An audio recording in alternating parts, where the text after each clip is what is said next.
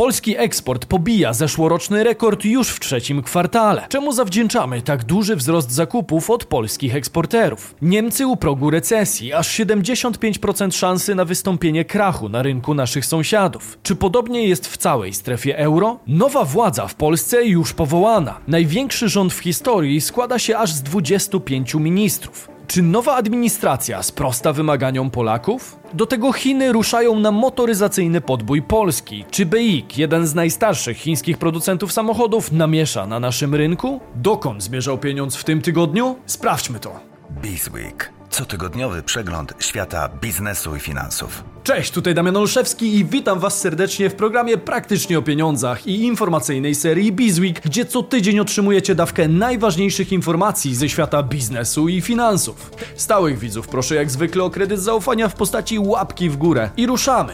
Czas to pieniądz, więc Zaczynajmy. Polski eksport pobija rekord już w trzecim kwartale. Polska gospodarka oparta jest w dużej mierze na eksporcie i stajemy się coraz większą potęgą eksportową na przestrzeni ostatnich lat. W zeszłym roku polski eksport wyniósł rekordowe 343,8 miliarda euro i zwiększył się w porównaniu z 2021 rokiem o 19,3%. Okazuje się jednak, że ten i tak bardzo dobry wynik nie będzie wspominany zbyt długo, ponieważ obecny rok z pewnością będzie kolejnym rekordowym. Bowiem już na koniec trzeciego kwartału 2023 roku wartość sprzedanych za granicą polskich towarów i usług osiągnęła rekordową wartość ponad 430 miliardów euro. Oznacza to, że w ciągu zaledwie trzech kwartałów tego roku osiągnęliśmy zdecydowanie lepszy wynik od dotychczasowego rekordu z 2022 roku. Z kolei w odniesieniu do 2019 roku w trzecim kwartale 2023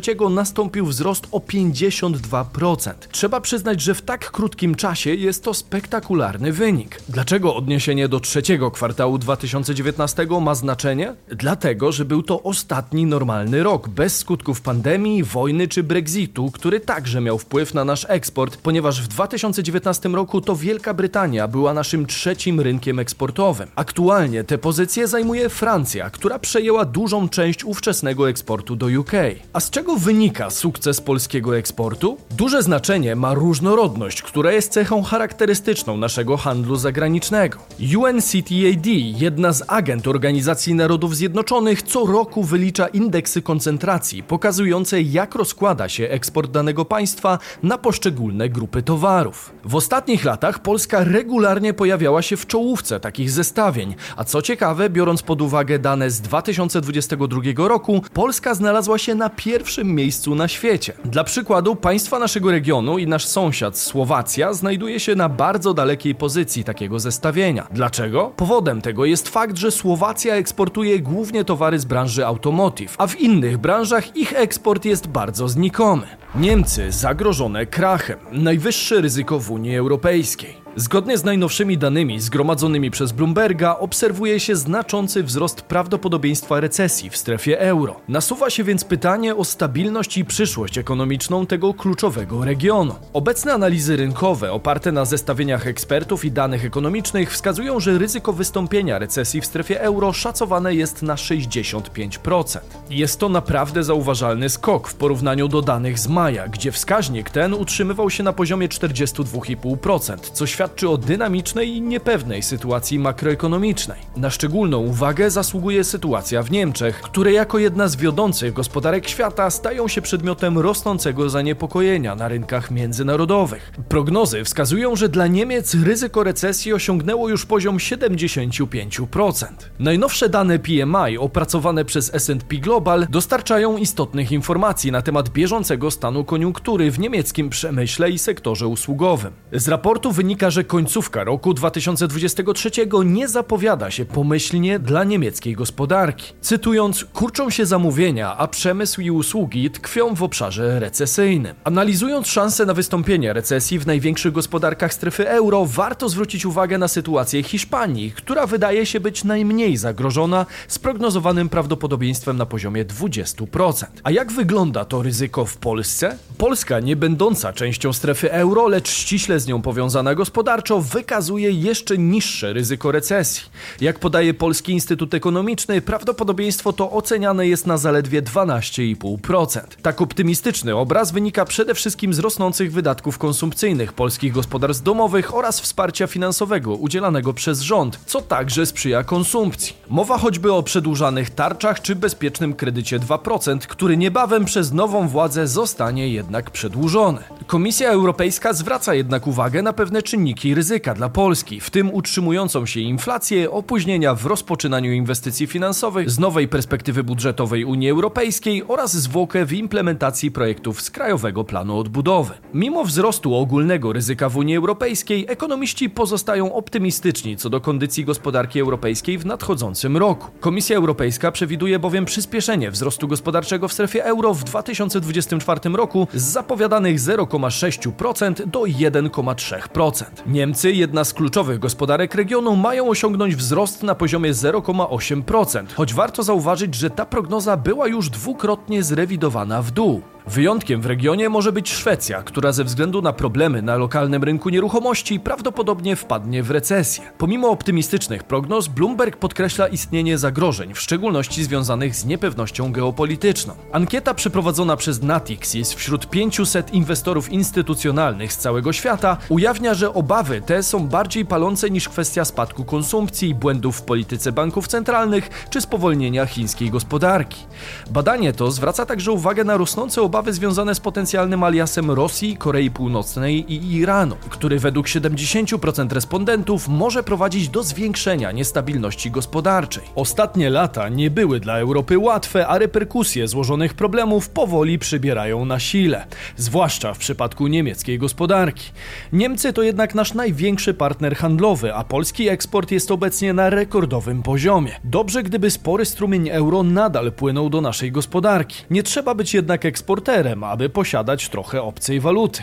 Jeśli sami posiadacie euro czy dolary lub planujecie ich zakup, to warto pamiętać o świątecznej promocji na Freedom24. Dzięki niej każdy przy odpowiednim zasileniu rachunku może otrzymać od 3 do 20 bonusowych akcji o wartości od 3 do 700 dolarów każda. To opcja dla nowych kont, ale i dla stałych klientów, którzy zasilając rachunek w euro lub równowartością w dolarach, także mogą liczyć na kolejne akcje do portfolio. Szczegóły wraz z odpowiednimi kodami i awaryjnym mailem do nas widzicie na planszy. Rachunek w podstawowej wersji jest darmowy, a promocja nie przewiduje dodatkowych warunków. Z kolei akcje trafiają Wam się różne, więc koniecznie dajcie znać, jakie trafiliście tym razem. Jak wiecie, sam korzystam z platformy dla oszczędności w euro, które codziennie powiększają się o odsetki. Dodatkowo euro i dolary można lokować na platformie na 3, 6 lub 12 miesięcy z oprocentowaniem do około 4,5% w euro i do 6,16% w dolarze. Platforma daje też spore możliwości inwestycji w różne aktywa finansowe na wielu różnych kontynentach, co jest całkiem przydatne na przykład kiedy Europa ma problemy. Pamiętajcie jednak, że wszelkie inwestycje wiążą się z ryzykiem. Szczegóły promocji i rachunku znajdziecie pod linkiem w opisie filmu i w przypiętym komentarzu, gdzie również odpowiadam na najczęściej zadawane pytania. Ważne, abyście użyli właśnie tego linka, inaczej nie będziecie kwalifikować się do promocji wyłącznie dla bizonów. Donald Tusk uzyskał wotum zaufania. Mamy nowy rząd w Polsce. W miniony poniedziałek Mateusz Morawiecki, pełniąc wówczas funkcję premiera, zaprezentował swoje expose, starając się przekonać Sejm do poparcia jego nowego gabinetu. Ostateczny wynik nie przyniósł jednak niespodzianki. Morawiecki nie zebrał wystarczającej ilości głosów, a jego rząd został odwołany. Stwierdzam, że Sejm wobec nieuzyskania bezwzględnej większości głosów nie udzielił wotum zaufania Radzie Ministrów. Następnego dnia, we wtorek po godzinie 10, Donald Tusk rozpoczął swoje expose, mówiąc, że Myślę, że przejdzie ten 15 października do historii jako dzień nie pierwszy raz pokojowego buntu. Buntu na rzecz wolności i demokracji. Tym przypadku również nie było zaskoczenia. Głosowało 449 posłów. Za wotum zaufania dla rządu Donalda Tuska opowiedziało się 248 parlamentarzystów. Przeciw było 201. Nikt nie wstrzymał się od głosu. Była opozycja, przygotowując się do przejęcia władzy, niemal równocześnie z trwającym expose opublikowała na stronie internetowej Sejmu oficjalny, kompletny skład nowego rządu. Nowy gabinet, liczący 26 członków, stanie się największym rządem w historii. Dotychczas rekordową liczebność miała ekipa Hanny Suchockiej z 1992 roku, licząca wtedy 25 osób w chwili powołania. Dla porównania, w poprzednich kadencjach rządu Donalda Tuska skład rządu wynosił 19 osób w 2007 i 20 osób w roku 2011. Liczba członków każdego rządu w tabeli odnosi się do składu Rady Ministrów w chwili ich powołania. Warto jednak zaznaczyć, że składy te często ulegały zmianom w trakcie kadencji. Dlatego zaleca się zachowanie ostrożności w formułowaniu ostatecznych opinii, szczególnie do momentu oficjalnego powołania także wiceministrów, których w ostatnich latach powoływano naprawdę sporo. W obecnej sytuacji politycznej analiza składu nowo formułującego się rządu to temat będący na ustach wielu komentatorów. Aktualnie pełen kontur nowej administracji rządowej nie został jeszcze w pełni ujawniony, aczkolwiek obserwacje wskazują na istotne przekształcenia w strukturze ministerialnej. Należy chociażby odnotować, że nowa administracja rządowa sygnalizuje zamiar reaktywacji kilku resortów, które miały swój czynny udział w działaniach rządu Prawa i Sprawiedliwości, lecz zostały niejako przezeń porzucone. W kontekście tych zmian na szczególną uwagę zasługuje przywrócenie funkcji ministra cyfryzacji, na czele którego stanie Krzysztof Gawkowski, reprezentujący lewicę. Ponadto rekonfiguracja obejmie również reaktywację Ministerstwa Nauki i Szkolnictwa Wyższego pod przewodnictwem Dariusza Dariusza Wieczorka oraz Ministerstwa do Spraw Unii Europejskiej, które poprowadzi Adam Szłapka. Niemniej istotna jest zmiana w zakresie koordynatora służb specjalnych, funkcji, która w przeszłości, jak na przykład w drugim gabinecie Mateusza Morawieckiego, była zintegrowana z Ministerstwem Spraw Wewnętrznych i Administracji, a teraz obejmie ją Tomasz Siemoniak. Nowa koncepcja rządowa zakłada także wdrożenie szeregu nowych ministerstw. Ministerstwo Rodziny i Polityki Społecznej przekształci się w Ministerstwo Rodziny, Pracy i Polityki Społecznej, które będzie kierowane przez Agnieszkę Dziemianowicz bąk z Nowej Lewicy. Dodatkowo w spektrum polityki społecznej ustanowione zostaną nowe resorty, w tym Ministerstwo do Spraw Polityki Senioralnej pod Marzeną Okłą Drewnowicz z Koalicji Obywatelskiej, Ministerstwo do Spraw Równości, któremu przewodzić będzie Katarzyna Kotuła z Nowej Lewicy oraz Ministerstwo Spraw Społeczeństwa Obywatelskiego, na czele którego stanie Agnieszka Buczyńska z Polski 2050. Ponadto w strukturze nowego gabinetu znajdzie się także Ministerstwo Przemysłu, na czele którego stanie Marzena Czarnecka, niezwiązana z żadną partią polityczną. Pytanie, czy nowa administracja sprosta wyzwaniom i oczekiwaniom społecznym? Czy za tego rządu rzeczywiście będzie lepiej? Przyszłość to oceni, natomiast wasze prognozy wyrażone w kulturalny i merytoryczny sposób będą mile widziane w komentarzach. Chiny ruszają na motoryzacyjny podbój Polski. Producenci samochodów w Europie, wśród których prym wiedzie niemiecki gigant Volkswagen, stają obecnie w obliczu złożonych wyzwań.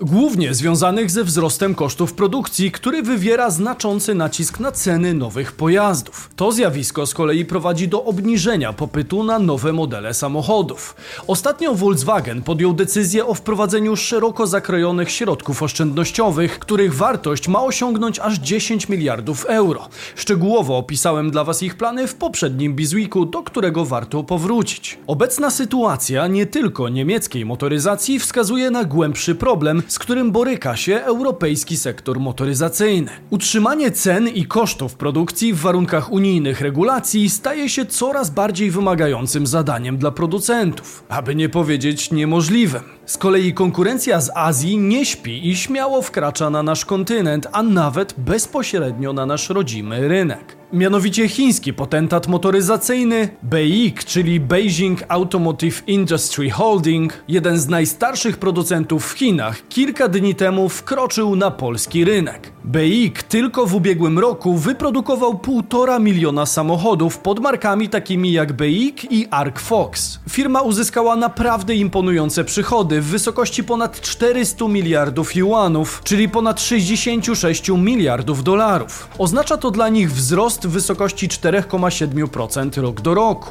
BEIC intensywnie rozszerza swoją działalność na globalnym rynku motoryzacyjnym, obejmując już w tej chwili ponad 100 różnych krajów. Polska ma być najnowszym dodatkiem do rosnącej listy. Zatem jakie modele wejdą na polski rynek i czy faktycznie będą w stanie mocno konkurować ceną, zachowując przy tym akceptowalną jakość. Chińska firma planuje wprowadzić na ten moment na polski rynek trzy modele SUVów. Kompaktowy BX Beijing 3, większy BX Beijing 5 oraz flagowy BX Beijing 7, który reprezentuje najwyższy segment. Myślę, że warto przyjrzeć się ciekawej strategii sprzedażowej, która znacząco pomaga ograniczać koszty produkcyjne i polega na dużym uproszczeniu oferty. Mianowicie BIK oferuje każdy model z jednym rodzajem silnika i w jednej specyfikacji wyposażenia. Samochody różnią się mocą i poziomem wyposażenia w zależności od wybranego modelu, co może znacząco ułatwić proces decyzyjny dla klientów, ale także cały proces produkcyjny.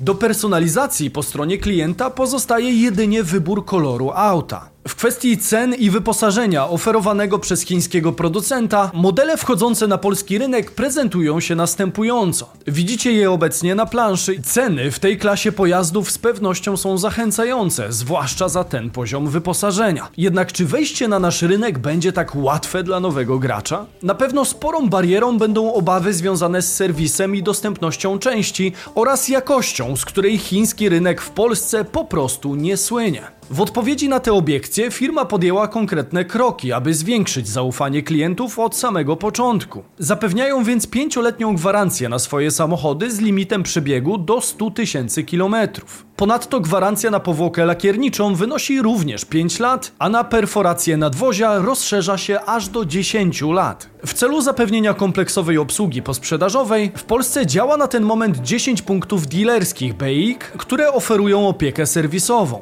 Firma planuje też dalszą ekspansję sieci serwisowej. Do 2025 liczba tych punktów ma wzrosnąć do 35, co dodatkowo podnosi atrakcyjność ich oferty. Zainaugurowany etap ekspansji marki BIK zwiastuje epokę dynamicznego rozwoju zaznaczoną ambitnymi planami sprzedażowymi. Analiza prognoz sprzedażowych firmy na rok 2024 wskazuje poziom 2600 pojazdów, co sytuuje się na równi z wynikami sprzedaży Fiata w okresie styczeń-listopad 2023 roku. Natomiast dla roku 2025 strategia sprzedażowa BIK przedstawia aspiracje do zrealizowania sprzedaży na poziomie 5000 sztuk samochodów odpowiadającej osiągnięciom Citroena w analogicznym przedziale czasowym. Realizacja tych ambitnych założeń wymaga od marki BIK ekspansji asortymentu na polskim rynku. Planowane na rok 2024 wprowadzenie do oferty modeli sedan U5+, terenowych z serii BJ oraz elektrycznych pojazdów ArcFox uwydatnia determinację marki do umocnienia swojej pozycji na naszym rynku. Chińczycy z pewnością wiedzą, jak skutecznie kopiować rozwiązania od innych marek i produkować je przy wysokim poziomie systematyzacji i automatyzmu,